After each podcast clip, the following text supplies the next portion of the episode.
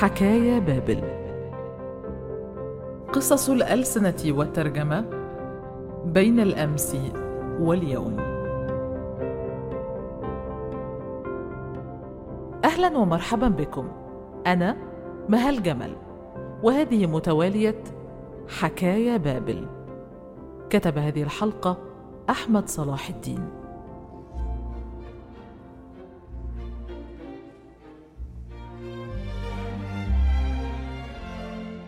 في العصور الأولى. كانت اللغة هدية غريزية منحت لنا كأشعة الفجر. حفنة من أصوات تهفو لتشكيل تعبير متناغم. يعكس الرغبات البدائية البسيطة للإنسان المفعم بالرغبة في البقاء على قيد الحياة واستنشاق نسمات الحب وتحقيق التعاون والتكاتف مع أقرانه من البشر. كان التواصل مثل جذوة نار وليدة بسيطة. وهو الركيزة التي شيد عليها أسلافنا بنيتهم الثقافية. ومع مرور الوقت وتعقد الاحتياجات اللغوية أصبحت اللغة متاهة من الرموز والصوتيات. رموز معقدة مدمجة في نسيج المجتمع. وفي قلب بلاد ما بين النهرين مهد الحضارة ظهرت الكتابة المسمارية مثل أوراق الربيع حيث كانت تحفر الكلمات في لوحات من الطين كما زينت اللغة الهيروغليفية مقابر الفراعنة بما تخفيه من أسرار مصر القديمة. كل هذا بمثابة همسات من الماضي البعيد شهادات على عمق التجربة الإنسانية. وعلى رغبة البشر في تخليد كلماتهم التي تحوي تراتيل وقوانين فضلا عن الحكاية الأولى التي سجلت كتابة. بعدها ما لبثت اللغة أن انطلقت في رحلات ملحمية تجوب ربوع الأرض حيث لم تقتصر الرحلات التجارية على تبادل البضائع فحسب بل لترحال الكلمات والحكاية. وقد شهدت الإسكندرية نشاطا علميا وبحثيا كبيرا. أسفر عن ميراث رائع. جعل المكتبة بمثابة ملاذ للعديد من الملفات والوثائق. كنز لغوي حافظ على حكمة الحضارات. اتجه العلماء للترجمة والنسخ لينسجوا جسورا لغوية عبر الثقافات. وأصبحت مكتبة الإسكندرية مثل منارة. نقلة حقيقية على طريق المعرفة من ظلام الجهل إلى شواطئ التنوير. مع صعود إمبراطوريات وأفول نجمها صار مصير اللغات كمصير تلك الإمبراطوريات. لها أزمان سيادة وأزمان غسق. كانت اللاتينية يوما لسان الإمبراطورية الرومانية.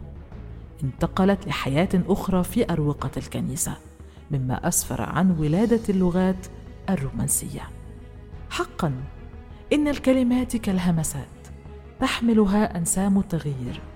تحولت وتكيفت فخلقت مجموعة غنية من اللهجات. ومع الحروب العديدة والفتوحات تطورت اللغات وتمازجت في حراك حي موازن لحركة الإنسان في الحياة. فأصبحت حاويات للهوية مثل الثياب التي نسجت من خيوط الثقافة والتاريخ والتراث. كل لغة هي مفتاح لعالم فريد لديه ما يقوله. إن تاريخ اللغة البشرية هو قصة تطور وتكيف ووحدة. لحن سماوي يربطنا عبر الزمن والمكان. يتجاوز الحدود الثقافية والعقائد. إنه شهادة على قدرتنا على التعبير والتواصل والتجاوز.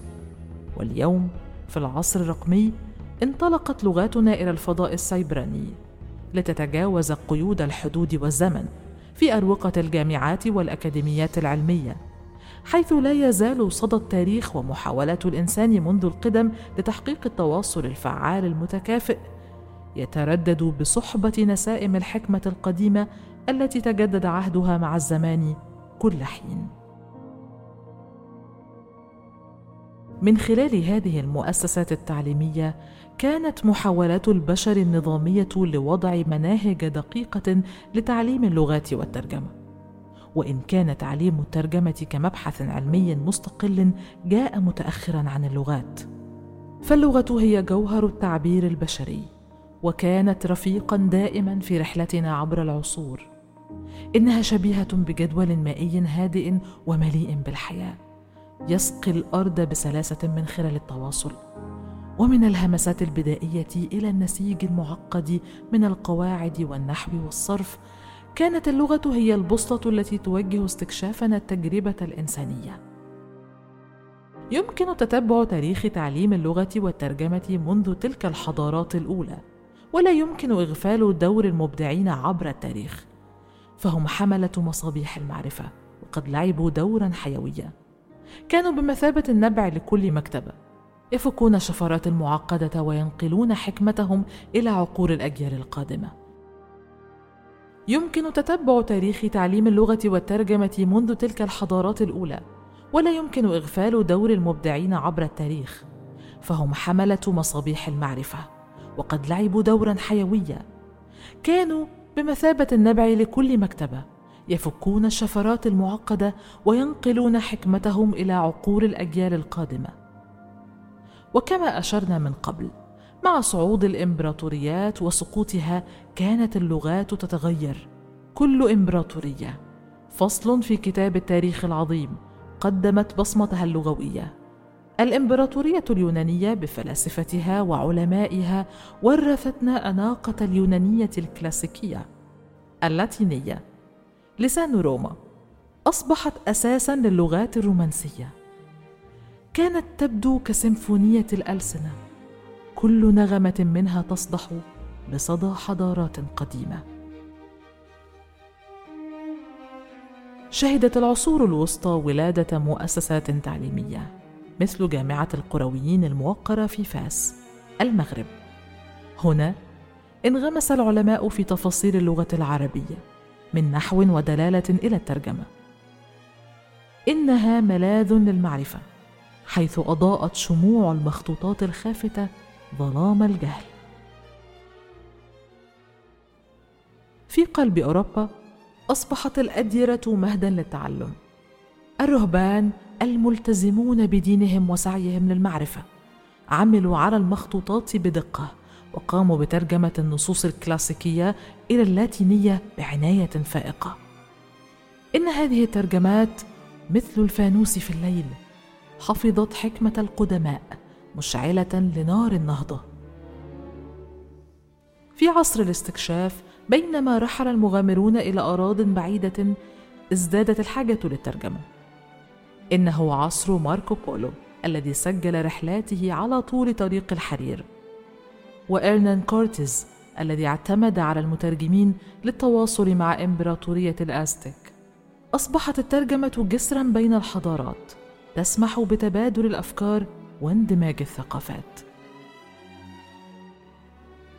في القرنين التاسع عشر والعشرين دخل تعليم اللغة والترجمة مرحلة جديدة مع ظهور نظريات لغوية حديثة من خلال علماء مثل فرديناند دو سوسور وناوم تشومسكي اللذين كشفا أسرار الخريطة اللغوية محدثين ثورة في كيفية فهمنا وتعليمنا للغات. الترجمة أيضا تطورت كتخصص معتمدة ليس فقط على الكلمات وإنما أيضا على الرموز الثقافية والسياقات التي تمنحها الحياة. ومع قدوم القرن الواحد والعشرين كان إيدانا بعصر جديد لتعليم اللغة والترجمة. مدعوما بالتكنولوجيا وتطبيقات تعلم اللغة والدورات عبر الإنترنت وأدوات الترجمة الآلية جعلت اكتساب اللغة والترجمة أكثر يسرا من أي وقت مضى.